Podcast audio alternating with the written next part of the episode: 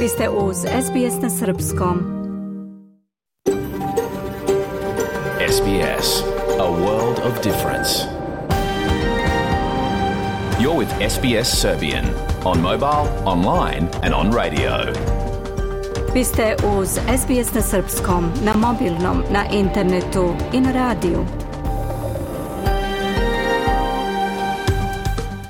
SBS odaje priznanje tradicionalnim vlasnicima zemlje sa koje danas emitujemo program na srpskom. Ovim izražavamo poštovanje prema narodu Kemriga, ali njegovim prošlim i sadašnjim starešinama. Takođe odajemo priznanje tradicionalnim vlasnicima zemlje i svih aboriđinskih naroda i naroda sa ostrva iz Toresovog Moreuza na čijoj zemlji slušate naš program. Dobar dan, danas je četvrtak 28. decembar 2023. Ja sam Branko Cvetojević u današnjem programu na srpskom donosimo. Kako su i zbog čega migrantske zajednice označene od dela političara i medija kao krivci za aktualnu krizu na tržištu nekretnina u Australiji? Migrantske organizacije su izrazile nezadovoljstvo zbog toga i uputile otvoreno pismo premijeru države i lideru opozicije u kojem se traži da doseljenici ne budu žrtveno jagnje za problem koji je nastajao decenijama – Iz Srbije čućete kakvi su izgledi da dijaspora ponovo dobije svoje ministarstvo ili posebnu instituciju koja bi se bavila isključivo pitanjima državljana Srbije koji žive u inostranstvu. Donosimo izveštaj sa ovogodišnjeg kupa Draže Mihajlovića koji je utorak završen u Melbourneu. Gost programa je Stanko Stupar iz košarkaškog kluba Beli Orlovi. Takođe govorit ćemo o uticaju veštačke inteligencije na način kako se u modernom svetu vode ratovi, a bit će više reči i o uticaju aktuelne ekonomske krize na muzičku scenu i muzičare širom sveta. Ostanite sa nama narednih sat vremena, sledi pregled vesti.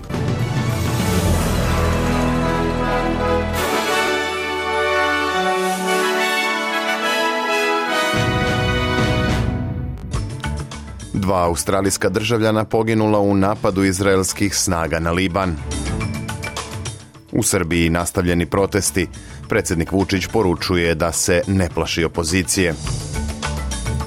Turski parlament ipak otvara vrata NATO pakta za Švedsku.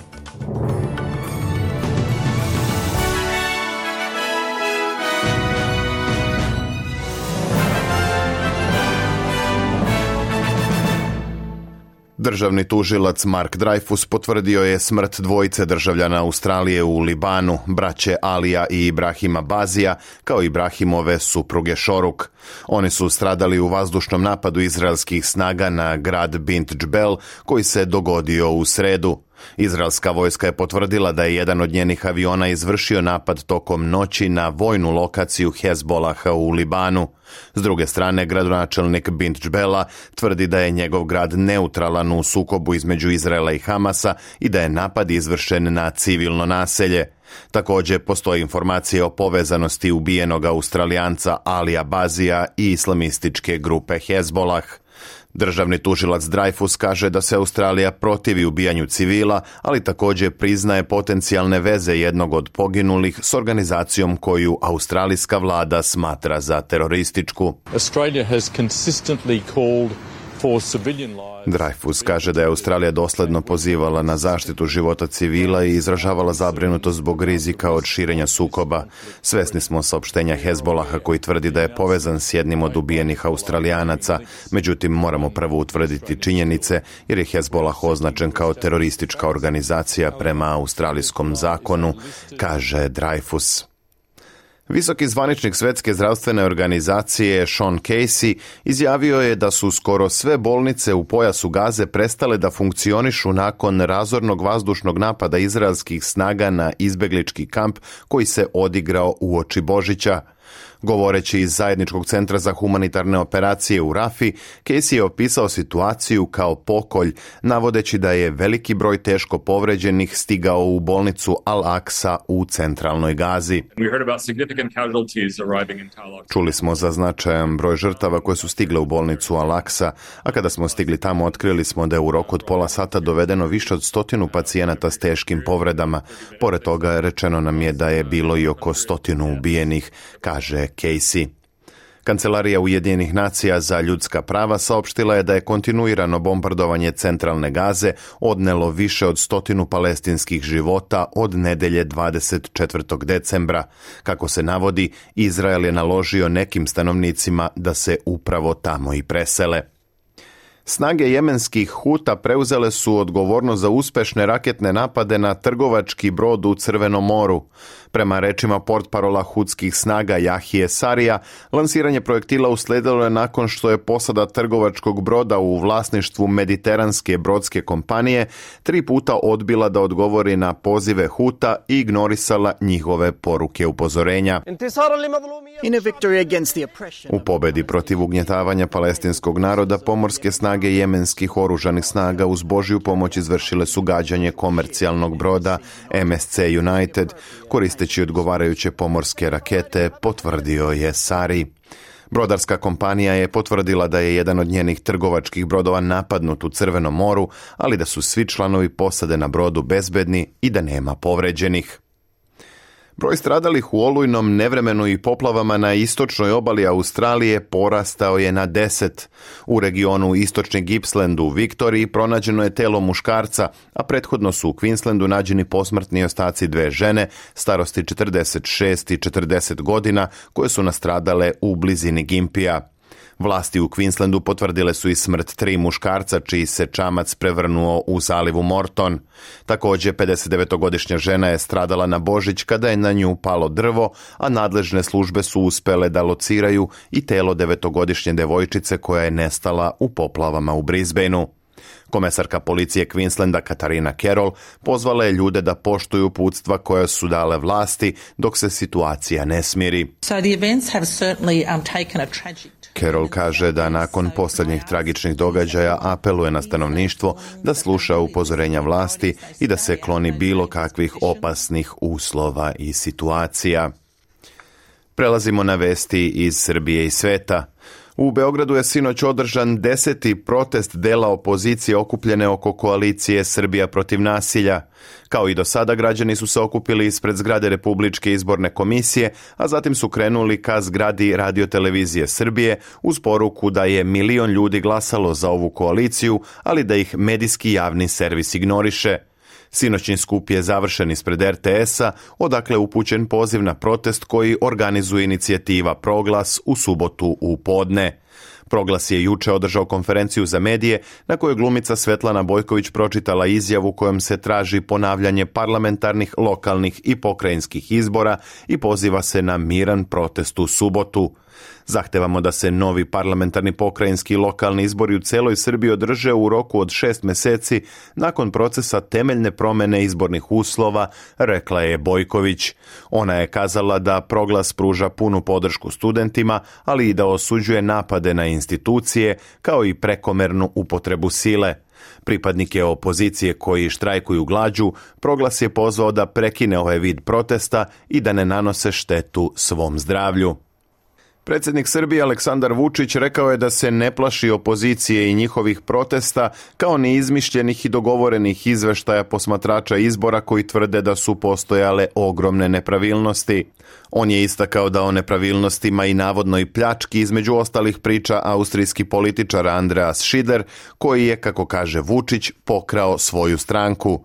Predsednik Srbije je dodao da se sve to radi po dogovoru, ali da ta zamisao neće proći. Nećemo im dati da ukradu narodnu volju, vox populi, vox dei ili glas naroda je glas Boga, istakao je Vučić. On je istakao i da će Rik obaviti svoj posao i proglasiti konačne rezultate. Tokom januara idemo u konstituisanje Skupštine i to je to. Nema tu ništa sporno niti neke velike filozofije, rekao je Aleksandar Vučić. O uhapšenima na protestu predsednik Srbije je kazao da su to ljudi i deca koje su opozicioni lideri podstakli da lome i ruše Beograd. Vi ste im rekli da to rade i vi ste ih doveli u tu situaciju, valjda vas je makar malo sramota zbog toga, poručio je Vučić opozicionim liderima, navodeći da su oni ponovo pokazali spremnost da uništavaju tuđe živote samo da bi se dokopali vlasti. Najmanje šest osoba je privedeno tokom antivladinog protesta u glavnom gradu Argentine Buenos Airesu. Radnička udruženja okupila su se sinoć ispred Palate pravde kako bi protestovali protiv 300 mera za deregulaciju privrede koje je prošle nedelje najavio novi predsednik Javier Milei.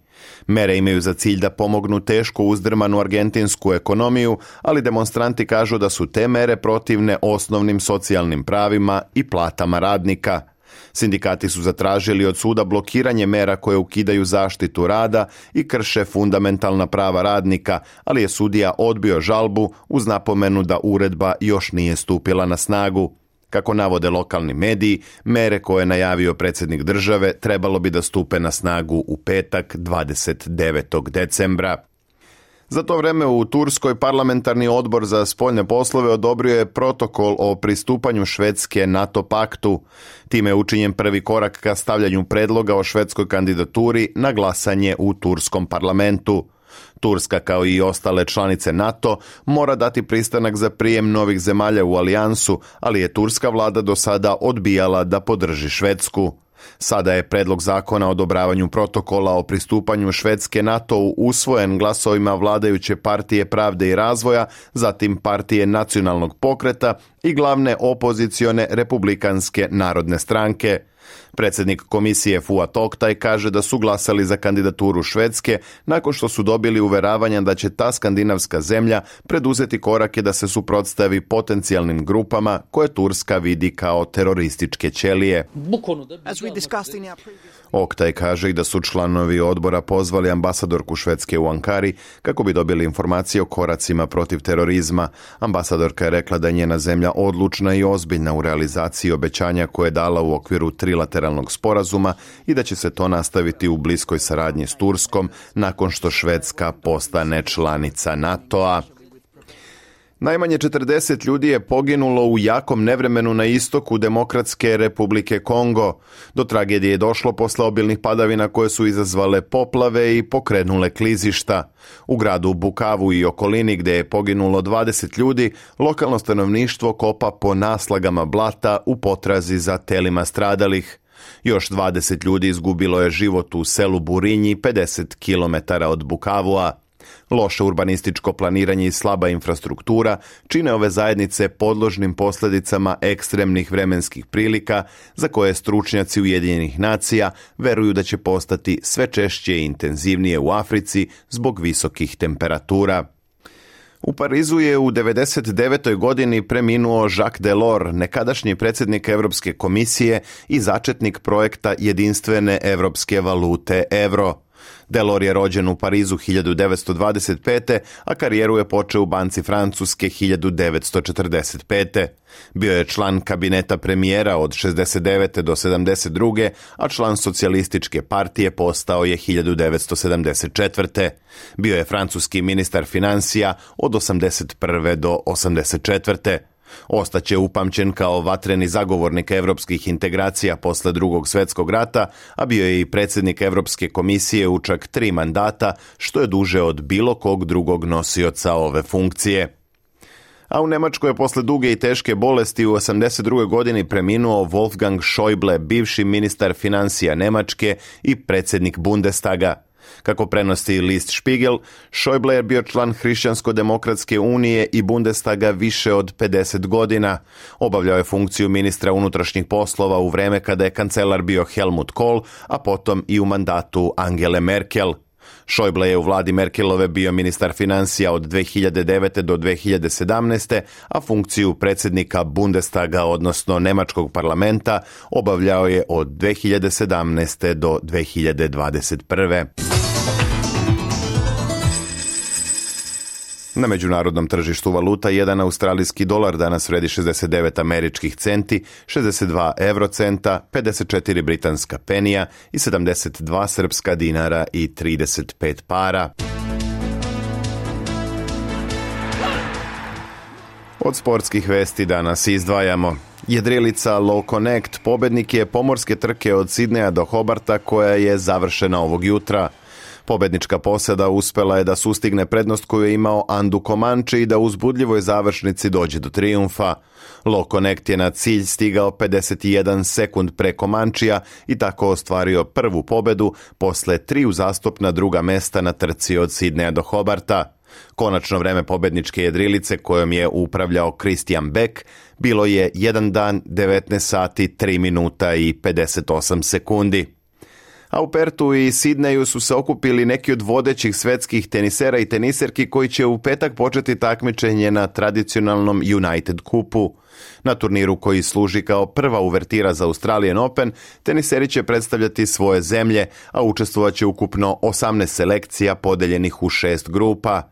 Tim Srbije takmičiće se u grupi E koja se igra u Pertu, a rivali su Češka i Kina. Srbija igra protiv Kine 31. decembra, a protiv Češke 2. januara. Srpski tim čine Novak Đoković, Hamad Međedović, Nikola Čačić, Olga Danilović, Natalija Stevanović i Dejana Radanović. Australija takođe igra u Pertu i to u veoma jakoj grupi sa selekcijama Sjedinjenih država i Velike Britanije. Finale United Kupa održat će se u Sidnejskoj Ken Rosewall areni u nedelju 7. januara. Evo i vremenske prognoze za sutra. U Sidneju povremena kiša u popodnevnim satima, najviša temperatura do 26 stepeni. U Melbourneu povremeno oblačno i 20, a u Kamberi uglavnom sunčano i 27. U petak u Adelaidu povremeno oblačno i 26, u Brisbaneu uglavnom sunčano i veoma toplih 37, dok se za Pert najavljuje povremena oblačnost i 34. Sutra u Darwinu uglavnom sunčano 35, a u Hobartu oblačno i 19. U Srbiji danas sunčan dan, temperatura od 4 do 12 stepeni. Bilo je to sve u pregledu vesti na srpskom jeziku za 28. decembar 2023. Za više informacija posetite sbs.com.au kosacrta news.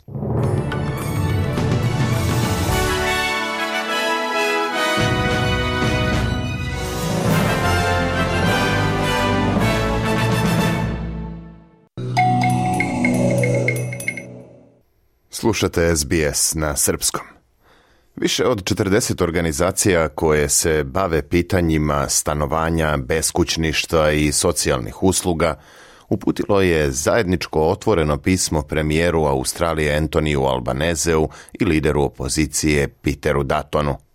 U pismu se izražava zabrinutost da se migrantske zajednice pretvaraju u žrtveno jagnje tako što se označavaju kao primarni razlog za stambenu krizu u zemlji.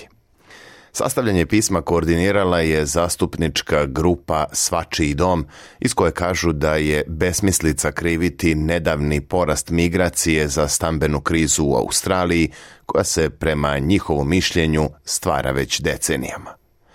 Zaista u poslednje vreme se moglo čuti i od političara i od dela medija da je razlog trenutne stambene krize u Australiji rekordan nivo migracije.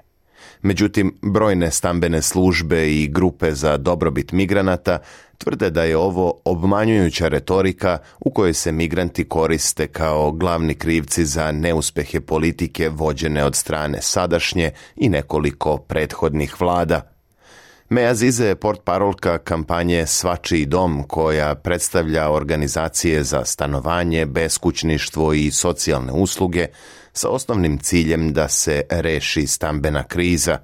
Azize je pomogla u koordinaciji otvorenog pisma koje je potpisalo 40 organizacija, a u kojem se pozivaju premijer Albaneze i opozicioni lider Daton da se klone antiimigrantskih osjećanja i da se usredsrede na osnovne uzroke problema.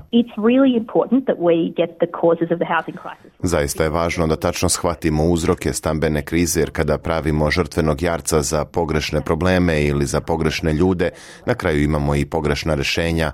Zato smo želeli da se okupimo oko ovog pisma jer je vladina politika ta koja je stvorila stambenu krizu i samo vladina politika može da je popravi, kaže Azize.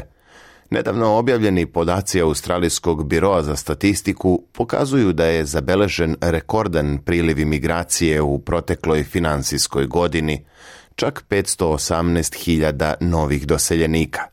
To je više nego dvostruko u odnosu na neto migraciju pre pandemije u periodu 2018-2019 kada je bilo 239.600 novih doseljenika – Veruje se da je tolika razlika uglavnom uzrokovana dolaskom dela ljudi koji nisu mogli da uđu u Australiju tokom 2020. i 2021.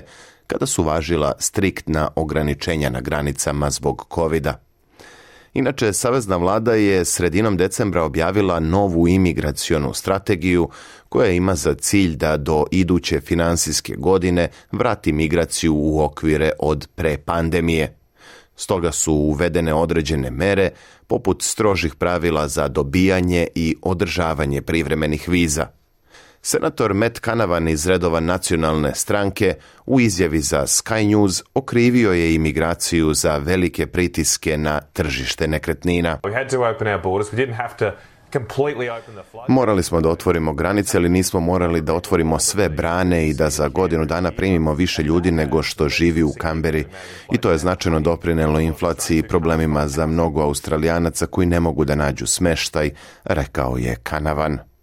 A Emma Greenhalgh, izvršna direktorka nevladine organizacije National Shelter, koja se bavi unapređenjem pristupačnosti stanovanja, veruje da je imigracija faktor u aktuelnoj situaciji na tržištu nekretnina, ali smatra da političari izuzetno preuveličavaju njen uticaj. Greenhalgh smatra da je faktor migracije preuveličan, posebno kada se zna da je postojala stambena kriza i tokom perioda kada su granice bile zatvorene zbog covid -a. Ona kaže da ono što vidimo jeste da je porast migracije doprine ovoj situaciji, ali naši stambeni problemi nisu uzrokovani migracijom. Prošlog meseca njena organizacija National Shelter objavila je deveti godišnji nacionalni indeks ekonomije i pristupačnosti iznajmljivanja. Indeks je otkrio da se u poslednjih 12 meseci pristupačnost zakupa pogoršala širom zemlje i u svim glavnim gradovima osim Kambere i Hobarta. Novi Južni Vels, Viktorija i Zapadna Australija doživeli su drastičan pad ocene pristupačnosti. Sidne je pao za 13%, a Melbourne i Perth za po 10%. Emma Greenhalgh kaže da je aktualna slika veoma složena, ali u velikoj meri za krizu krivi decenije loše stambene politike koja je promovisala stanovanje kao investiciju koju prikupljaju bogati, a ne kao suštinsku potrebu za sve ljude u Australiji. It's the less attractive Greenhalgh smatra da je tvrdnja da je ova situacija nastajala decenijama manje privlačna. Ne zvuči politički naročito atraktivno reći da je neuspeh nekoliko vlada zaredom da investiraju u socijalno i pristupačno stanovanje kako bi zadržale korak sa potražnjom. Umesto toga vodi se politika negativ giringa i poreza na kapitalnu dobit, što doprinosi da je stanovanje mnogo privlačnije posmatrati kao investiciju i kao robu nego kao dom dom, kaže Emma Greenhalgh. Liste čekanja za socijalne stanove i dalje rastu širom zemlje, što zbog pritiska troškova života, što zbog nedostatka izgradnje socijalnih stanova. Najnoviji podaci pokazuju da u Novom Južnom Velsu ima 57.204 kandidata na listi čekanja, a u Viktoriji čak 65.195.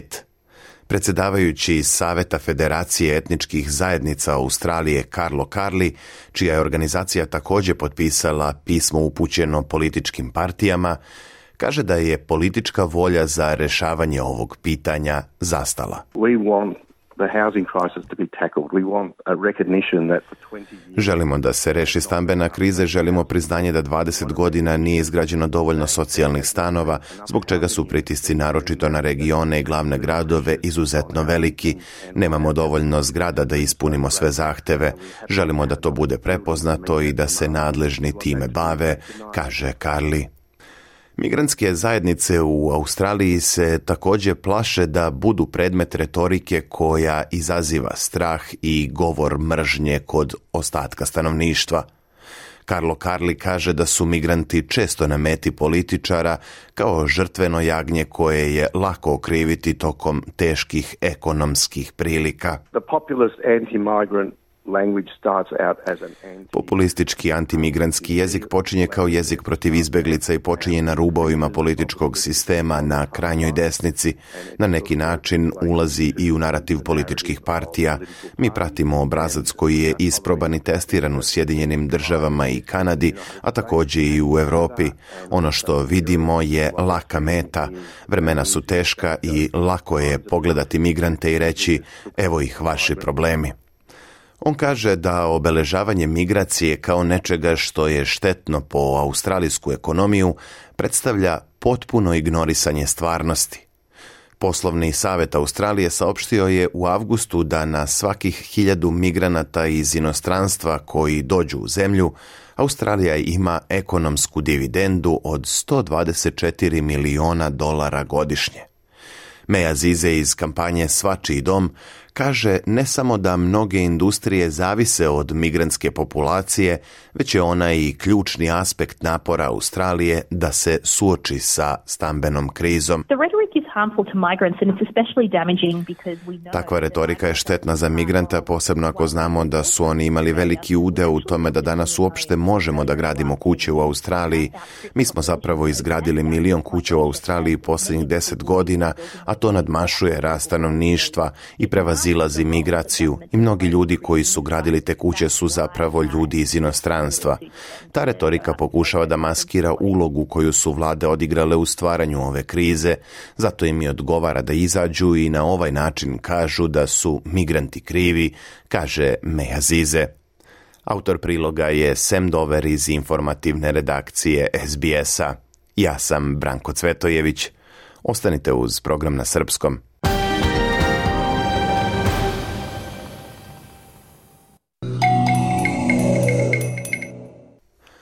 U Srbiji je ponovo oživelo pitanje pokretanja ministarstva za dijasporu.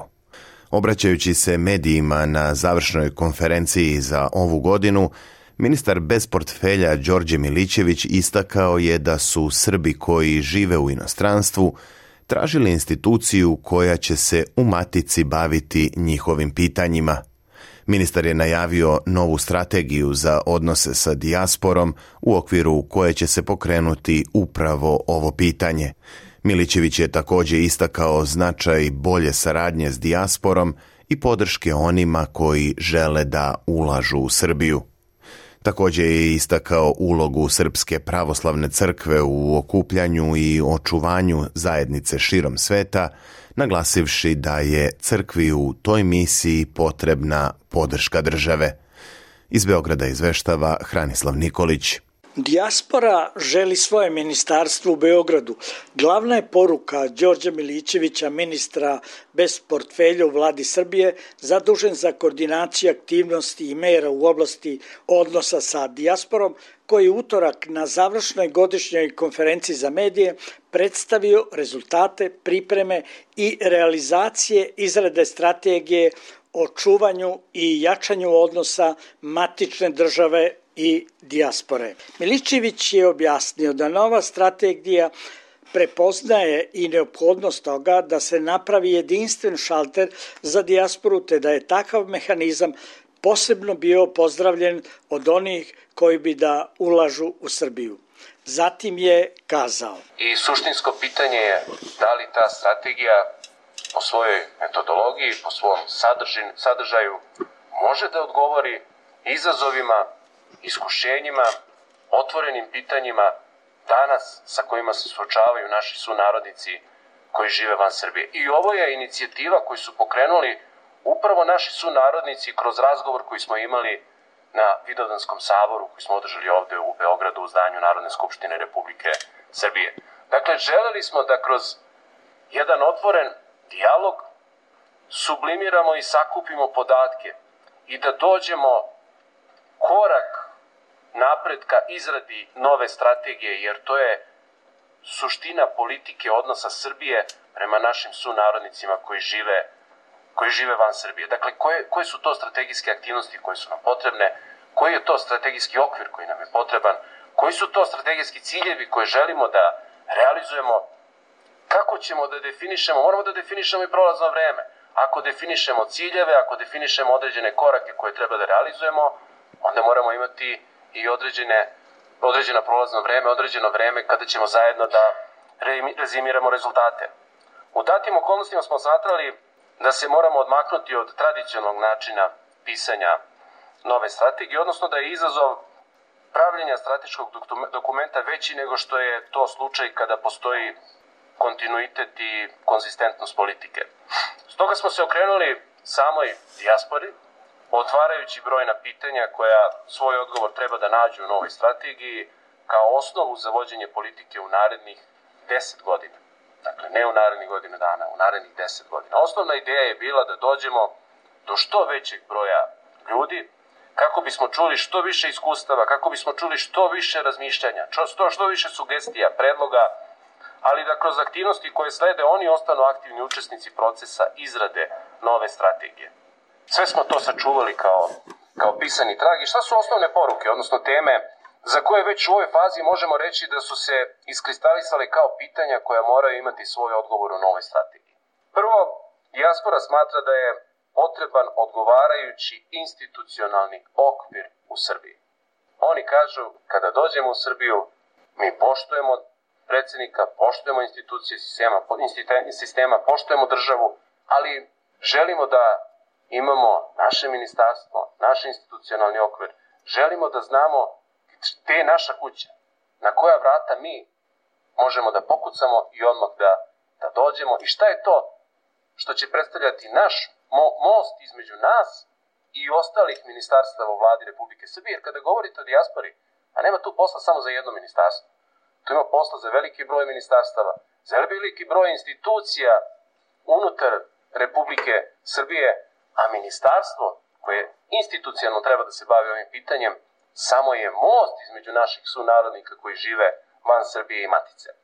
Veliki problem naše dijaspore je nepoznavanje procedura, nedostatak informacija, jednostavnog pristupa radi ostvarivanja statusnih, imovinskih ili poslovnih prava interesa. Naime, imajući u vidu, u vidu da su u pitanju naši državljani koji decenijama ne žive u Srbiji, a neki nikada nisu ni živeli u Srbiji, nažalost, Oni svakako ne poznaju dovoljno naše administrativne procedure za ostvarivanje svojih prava ili interesa. U tom smislu to je za njih često nepremostiva prepreka ili je pak prepreka čije prevazilaženje podrazumeva velike troškove, gubitak, ogroman gubitak vremena, što na mnoge deluje obeshrabrujuće. Stoga se kao rešenje nameće odgovarajuća služba koja bi bila neka vrsta, rekao bih slobodno, jedinstvenog šaltera za dijasporu. Takav mehanizam bi posebno bio pozdravljen od onih koji bi da ulažu u, u Srbiju. Milićević je dodao da jedno od centralnih pitanja u novoj strategiji je delovanje Srpske pravoslavne crkve u državama u kojima živi dijaspora. Potom je nastavio. Delovanje Srpske pravoslavne crkve u državama u kojima živi naša dijaspora je jedno od centralnih pitanja. U svim diskusijama, Naša crkva ima posebnu ulogu kao mesto okupljanja i održavanja naše dijaspore. Da bi ona obavljala tu svoju ulogu, potrebna je podrška i pomoć države. O tome se mora razgovarati sa predstavnicima Srpske pravoslavne crkve, posebno o širenju dobre prakse koja postoji u nekim parohijama, a koja mnogo znači našoj dijaspori. Srpska pravoslavna crkva i je, rekao bih sa sigurnošću, faktor stabilnosti, okupljanja, jedinstva, naših, Srb, našeg, na, naših sunarodnika koji žive van Srbije, ma gde oni živeli u ovom trenutku. Kada su u pitanju naša diplomatsko-konzularna predstavništva, diskusije su bile različite, mnoštvo predloga za unapređenje rada i o tome treba svakako razgovarati sa resornim ministarstvom. Na kraju treba reći i ovo. Tokom ove godine sproveden je čitav niz aktivnosti poput toga da je po prvi put nakon više od 10 godina organizovan Vidovdanski sabor u Srbiji na koji je došlo 275 predstavnika udruženja ili relevantnih organizacija koje okupljaju Srbije van Srbije. U julu i avgustu organizovana su tri tematska kampa za više od 5000 mališana kao i manifestacija Mostovi do zavičaja koja je imala za cilj medijsko povezivanje dijaspore i matične države. Iz Beograda za SBS, Hranislav Nikolić.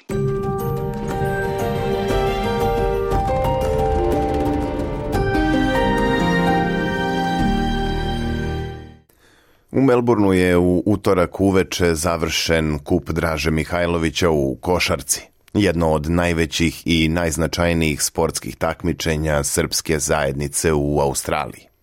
Ovogodišnji turnir imao je poseban značaj pošto je obeleženo 30 godina postojanja ovog nadmetanja koje okuplja najbolje srpske košarkaške klubove na kontinentu. Jubilarna godina će ostati upamćena po najmasovnijem kupu do sada, pošto su se takmičile čak 62 ekipe u devet juniorskih i tri seniorske konkurencije. Nikada do sada DMC nije okupio toliko timova i takmičara kojih je bilo više od 400. Tokom tri dana odigrano je više od stotinu mečeva u svim konkurencijama, a najviše uspeha imali su domaćini turnira Beli Orlovi iz Melburna koji su osvojili šest od devet juniorskih titula, kao i šampionski pehar u ženskoj seniorskoj konkurenciji. Kod seniora prvi put u istoriji takmičenja titulu su osvojili otpisani iz Melburna, koji su u finalu savladali najtrofejniji klub DMC-a Obilić i tako prekinuli niz od tri uzastopne pobede tima iz Sidneja i u drugoj muškoj diviziji slavili su takođe otpisani njihov B tim pobedom nad veteranima Belih Orlova. Da svi trofeji ipak ne odu u ruke ekipama iz Melburna pobrinule su se juniorke Obilića do 14 godina i mešoviti tim ovog kluba u konkurenciji najmlađih do 10 godina. Jedna titula pripala je i sidnejskom klubu Red Stars koji je slavio u takmičenju juniora do 18 godina. Ovo izuzetnoj sportskoj manifestaciji koja je održana u sali srednje škole u Rovilu i u Srpskom sportskom centru u Kizborovu prisustvovalo je nekoliko hiljada posetilaca tokom tri takmičarska dana, a turnir je završen svečanom dodelom trofeja i proslavom u Kizborovu. Takođe, klubovi učesnici su potvrdili da će naredni kup Draže Mihajlovića biti odigran u decembru 2024. u Adelaidu. O ovogodišnjem DMC-u Zoran Subić je razgovarao sa Stankom Stuparom, bivšim predsednikom i dugogodišnjim trenerom u Belim Orlovima iz Melburna. Da čujemo. Nakon e, kupa Draže Mihajlovića razgovaramo sa Stankom Stuparom, bivšeg predsednika kluba White Eagles u Melbourneu i sada dobrovoljca i sada entuzijaste godinama u košarkaškom klubu White Eagles i u košarci Viktorije. Stanko, dobar dan. Dobar dan, dobar dan. Ja sam pozdrav vama i slušalcima SBS radija na srpskom jeziku. Ja sam e, fanatik košarke, mogu da kažem, već 50 godina e, volim taj sport i bavim se košarkom pa čak i dan danas, evo već 50 godina se bavim košarkom, tako da je to meni veliko zadovoljstvo da mogu da pomognem e, na bilo koji način košarkaškom klubu Beli Orlo i našoj zajednici košarkaškoj i u Italiji i Australiji. Stanko, ja moram reći, ja sam bio tri dana, sva tri dana na ovom turniru i bio sam oduševljen. E, I, da. I sa nivom takmičenja i, i sa nivom talenta koji su naša deca pokazala i u ženskoj i u muškoj košarci nisam prosto mogao da izaberem utakmice koje ću da gledam kada su bile u isto vreme. E, to je istina, e, nakon COVID-a umesto da su aktivnosti zamrle, aktivnosti su iz, da porasle i došle do procvata naše košarke, e, srpska košarkaška zajednica u Australiji može da bude ponosna na ovaj nezaboravan košarkaški spektakl na koji mm, mislim da bi cijeli svijet, naš, u cijelom svijetu naši Srbi bi trebali znati da se ovako nešto desilo. 62 košarkaška juniorska seniorska tima su se takmičila. Da, 62 kluba u svim selekcijama i to je nešto što je stvarno impozantno. To pokazuje kolika je ta ujedinjenost ovog puta u košarci, ali ovaj dolazili su iz, sa svih strana Australije klubovi. Tačno i e, iz eh, Adelaida, timovi iz Wollongonga, Sidneja, to je zaista bilo nešto fantastično druženje i to je prosto nezaboravno, zaista to je, to je nešto što, što je teško riječima opisati, fantastično. Bilo je lepo druženje, bilo je tri dana izuzetno kvaliteta košarke i u ženskoj i u muškoj konkurenciji. Naročito mi je ostalo u sećanju, ne znam da li ste videli tu utakmicu finala ispod 14 godina za devojčice, gde je Obilić osvojio tu titulu u poslednjim minutima, gde su se svi okupili, ja mislim da je, da je, da je bilo oko hiljadu ljudi u, na tribinama. Da, to je stvarno tribina su puno bila i ja tad nisam bio, jer sam i sam bio kapetan e, tima e, seniorskog Beli Orlovi, a i moja čerka isto je bila kapetan ženskog seniorskog tima, tako da sam nastavio da pomogao da pomognem na oba dve strane. Tako da, ovaj, ali siguran sam da je kvalitet bio do sad najbolji kvalitet košarke prikazan naš, na svih 30 godina ovog košarkaškog. Da, vidi se, veliki talenat se vidi. Ja zbog moje čerke, iskreno da kažem, jel moja čerka je u košarci i učestvovala je na ovom turniru i onda imam prilike da vidim uh, taj talenat uh, širom države i ovog puta sam video taj talenat širom Australije, ovog puta u srpskoj nacionalnosti, ali recimo isto i ne treba zaboraviti da su tu bili igračice i igrači iz drugih nacionalnosti koji su učestvovali na ovom turniru, koji su članovi srpskih timova. I oni su izuzetno talentovani. E, tačno, tačno, slažem se. Mislim da trebam, e, da trebamo da dodamo da je to i zasluga ne samo roditelja, a i dece koja nas zavode po košarku, već i, i uh, uprave kluba koji su sta, fokus stavili na juniorske timove i na juniorski pogon i ti treneri su Znači, e, veoma uporan rad, strpljiv rad sa mladima je donio do takvih rezultata da kvalitet košarke se poveća. Znači, tu, tu je zaista vrlo važan fokus na, na, na taj iranski pogon i, i pogon i na trenere koji su zaista dobri da, da rade sa djecom i to im nešto zaista donosi rezultate sad i po kvaliteti i po masovnosti svih tim, timova. Prošle godine, da se podsjetimo u Ulagongu, bilo je samo desetak juniorskih timova košarka kluba Beli Orovi, ove godine čak 17, mislim to nikad nije bilo, ali to je zaista procvat naše košarke. To je budućnost jer, jer na njima svijet ostaje. Apsolutno, u potpunosti ste u pravu, Stanko, jel to je odakle budući reprezentativci ili Srbije ili Australije polaze? To je gde košarka nastaje, to je gde košarka počinje da bude nešto više od rekreativnog sporta. Pa, druženje na, na trofejskoj večeri je bilo fantastično to je zaista fantastično. Ne mogu da opišem. Ples, kola, posle. Super. Stanko, hvala vam na ovom razgovoru. Ovo je stvarno bilo lepo čuti i remizirati o onome što se dogodilo u protekla tri dana u Melbourneu, gde su košarkaški timovi ženski i muški iz raznih delova Australije prisustvovali, gde smo mogli da vidimo e, predstavu talenta srpskih i drugih igrača u Melbourneu, u Viktoriji, tokom božićnih praznika. Hvala vam, o, ovo je budućnost Australije, ako se slažete. Slažem se, super, potpuno. Čuli ste razgovor sa Stankom Stuparom, bivšim predsednikom i dugogodišnjim članom košarkaškog kluba Beli Orlovi iz Melburna. Razgovor je vodio Zoran Subić. Ostanite uz SBS na srpskom. SBS na srpskom. Podelimo priče na Facebook stranici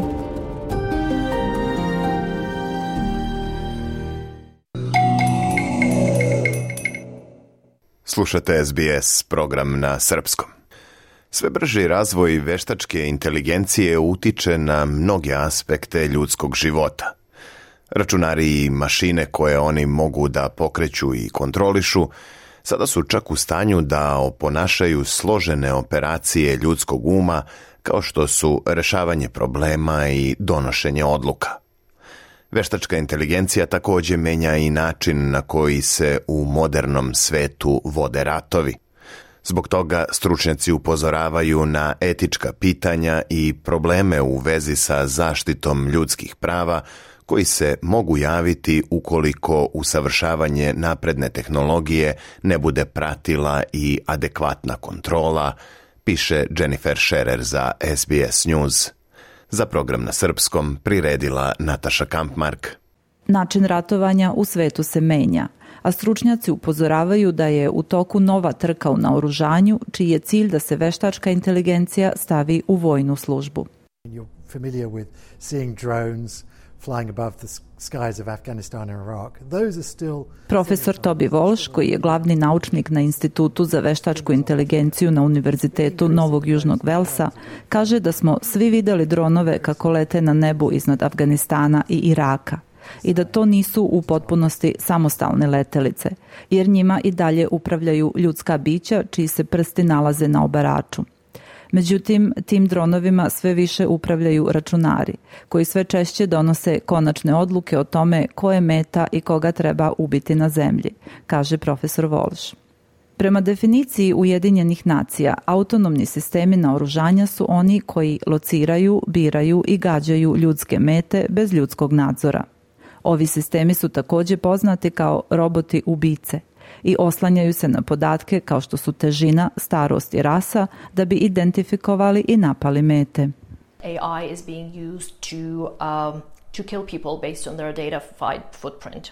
Doktorka uh, Olga Bojčak predaje digitalne kulture na Sidnejskom univerzitetu i ona kaže da se veštačka inteligencija koristi za ubijanje ljudi na osnovu podataka iz njihovog digitalnog otiska.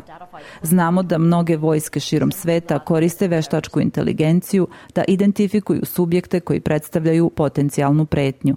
To se zove smrt izazvana metapodacima – a do toga dolazi zato što je nečiji digitalni otisak sličan digitalnom otisku nekog teroriste, objašnjava doktorka Bojčak. Izveštaj Ujedinjenih nacija sugeriše da se prvi samostalni udar bespilotnih letelica dogodio 2020. godine, gde su dronovi turske proizvodnje upotrebljeni tokom vojnog sukoba u Libiji. Od tada je ova vrsta naoružanja igrala ulogu i u drugim sukobima, uključujući i rat u Ukrajini. Prema Australijskom institutu za međunarodne poslove, Rusija, Kina, Izrael, Indija, Sjedinjene države, Velika Britanija i Australija se nalaze među zemljama koje prednjače u razvoju veštačke inteligencije namenjene za vojne svrhe. Israel is a nation significant um, capability to develop arms. Profesor Walsh da. kaže da je Izrael da. zemlja sa razvijenim naoružanjem i da je granica sa gazom jedna od najnadziranijih granica, pri čemu se veliki deo tog nadzora vrši pomoću sistema kojima upravlja autonomna veštačka inteligencija. Kada se odluke o tome da li će neko živeti ili umreti prepuste mašinama, javlja se moralna dilema – što je navelo stručnjake da zatraže da se upotreba smrtonosnog autonomnog oružja reguliše konvencijom Ujedinjenih nacija o određenom konvencionalnom oružju i da ono bude zabranjeno Ženevskom konvencijom, kao što je to učinjeno sa hemijskim i biološkim oružjem 1925. godine. Weapons that operate without any any meaningful human human control, don't have qualities of Daniela Gavšon, direktorka australijskog ogranka organizacije Human Rights Watch, kaže da oružje koje deluje bez ikakve značajne ljudske kontrole nema ljudske osobine prosuđivanja i saosećanja koje čine sastavni deo analize šta je legitimna meta, a zatim i donošenja odluke da li da se nastavi ili obustavi operacija. Stručnjaci poput profesora Volša strahuju da potencijal veštačke inteligencije kao autonomnog oružja još nije u potpunosti realizovan i pozivaju da se nešto preduzme po tom pitanju pre nego što bude prekasno, piše Jennifer Scherer za SBS News. Ja sam Nataša Kampmark. Slušajte SBS na srpskom, na mobilnom, na internetu i na radiju. U narednim minutima našeg programa govorit ćemo o muzici i onome što je u ovu industriju donela 2023. godina. Naime, mediji u Velikoj Britaniji bavili su se temom uticaja rastućih troškova života na muzičku scenu. Kako se navodi, britanski muzičari koji već dugo vremena uživaju veliku popularnost širom sveta – smatraju da je zbog aktuelne situacije njihov uspeh u budućnosti postao krajnje neizvestan. Kako piše Debora Groark za SBS News, s tim problemom se ne suočavaju samo muzičari u Ujedinjenom kraljevstvu, već i širom sveta. Opširnije u prilogu koji je pripremila Nataša Kampmark. Nezavisna muzičarka Rebeka Toll svira trubu od svoje sedme godine i u njenim rukama to izgleda veoma lako. Ona međutim kaže da je život muzičara zapravo nesiguran i da kao i mnogi drugi umetnici mora da radi dodatni posao da bi preživela i da ona zato drži časove muzike. It's very difficult to get get... opportunities, Izuzetno je teško dobiti priliku za nastup i biti plaćen za to ili ako je posao plaćen, onda nije dovoljno. Anksioznost takođe znači da ima dana kada ne možete da nastupate, drhtite od nervoze i ne možete da dišete, a disanje je veoma važno kad svirate trubu, objašnjava Rebeka. Stres koji osjeća Rebeka je nota koja se provlači kroz celu muzičku industriju Velike Britanije. Oko 6000 muzičara je učestvovalo u anketi koja je pokazala da skoro trećina ili 30 ima slabo mentalno zdravlje. Joe Hastings je šef linije za podršku muzičarima Music Minds Matter i on kaže da skoro polovina profesionalnih muzičara zarađuju manje od 14.000 funti godišnje, što je manje od 27.000 australijskih dolara i da svaki četvrti kaže da će verovatno napustiti industriju u narednih pet godina. Imamo bogatu i raznoliku muzičku industriju u Britaniji. I ako ljudi počnu da napuštaju muzičku industriju, um, to će značiti da će industrija oslabiti i osiromašiti u smislu kreativnosti, kaže on. Britanska vlada kaže da ulaže milione funti u inicijative za podsticanje lokalnih muzičara, kao i za pomoć muzičarima da se probiju na međunarodna tržišta. Chris Walters iz Britanskog sindikata muzičara kaže da se nada da će vlada shvatiti koliko muzika znači za zemlju u celini. Molimo vladu da razmisli o ogromnoj vrednosti muzičke industrije za Veliku Britaniju, a zatim da pogleda živote muzičara i zapita se koliko je realno da muzičari sa toliko niskim primanjima i nesigurnom egzistencijom nastave da prave fantastičnu muziku po kojoj je Ujedinjeno kraljevstvo čuveno, kaže Walters. S tom dilemom se ne suočava samo Ujedinjeno kraljevstvo. I u Australiji muzičari imaju sličnih problema. Clive Miller je izvršni direktor organizacije Support Act, koja u vreme krize pruža pomoć muzičarima. Uh, Mislim da smo u prošloj finansijskoj godini obradili oko 900 zahteva za finansijskom pomoći u kriznim situacijama u vrednosti od oko 2 miliona i 300 hiljada dolara.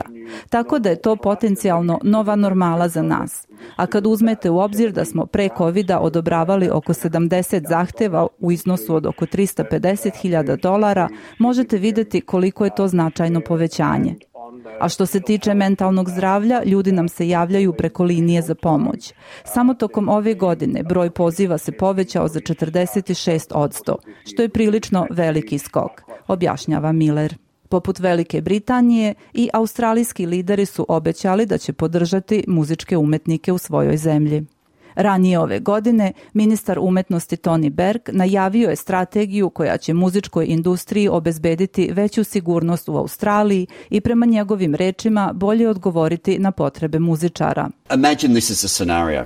Somebody's been, you know, Zamislite ovaj scenario. Uh, neko kao muzičar nastupa u malim barovima i iznenada dobija veliku priliku da nastupi na festivalu u inostranstvu jer je otpao neko iz originalne festivalske postave. Priliku mora odmah da iskoristi, ne može da čeka.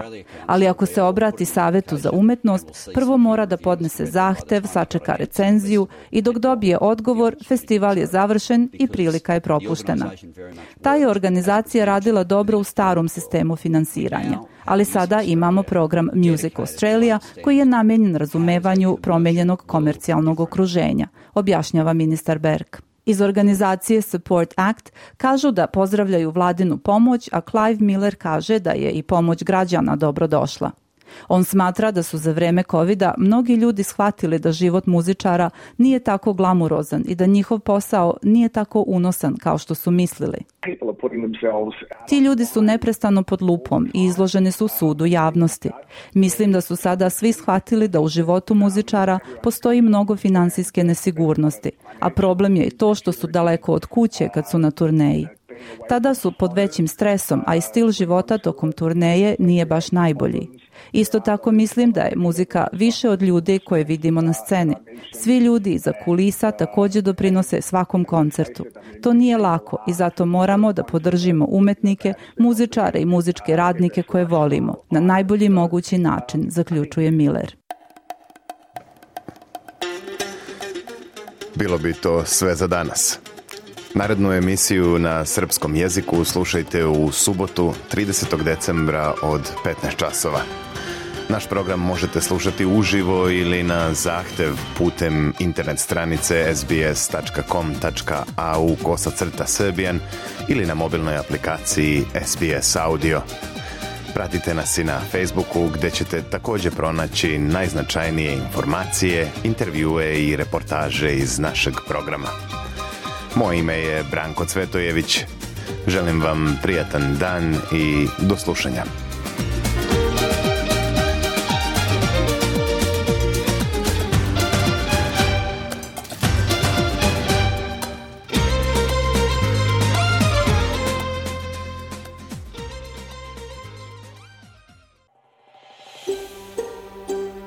Želite da čujete još priča poput ove? Slušajte nas na Apple Podcast, Google Podcast, Spotify ili odakle god slušate podcast.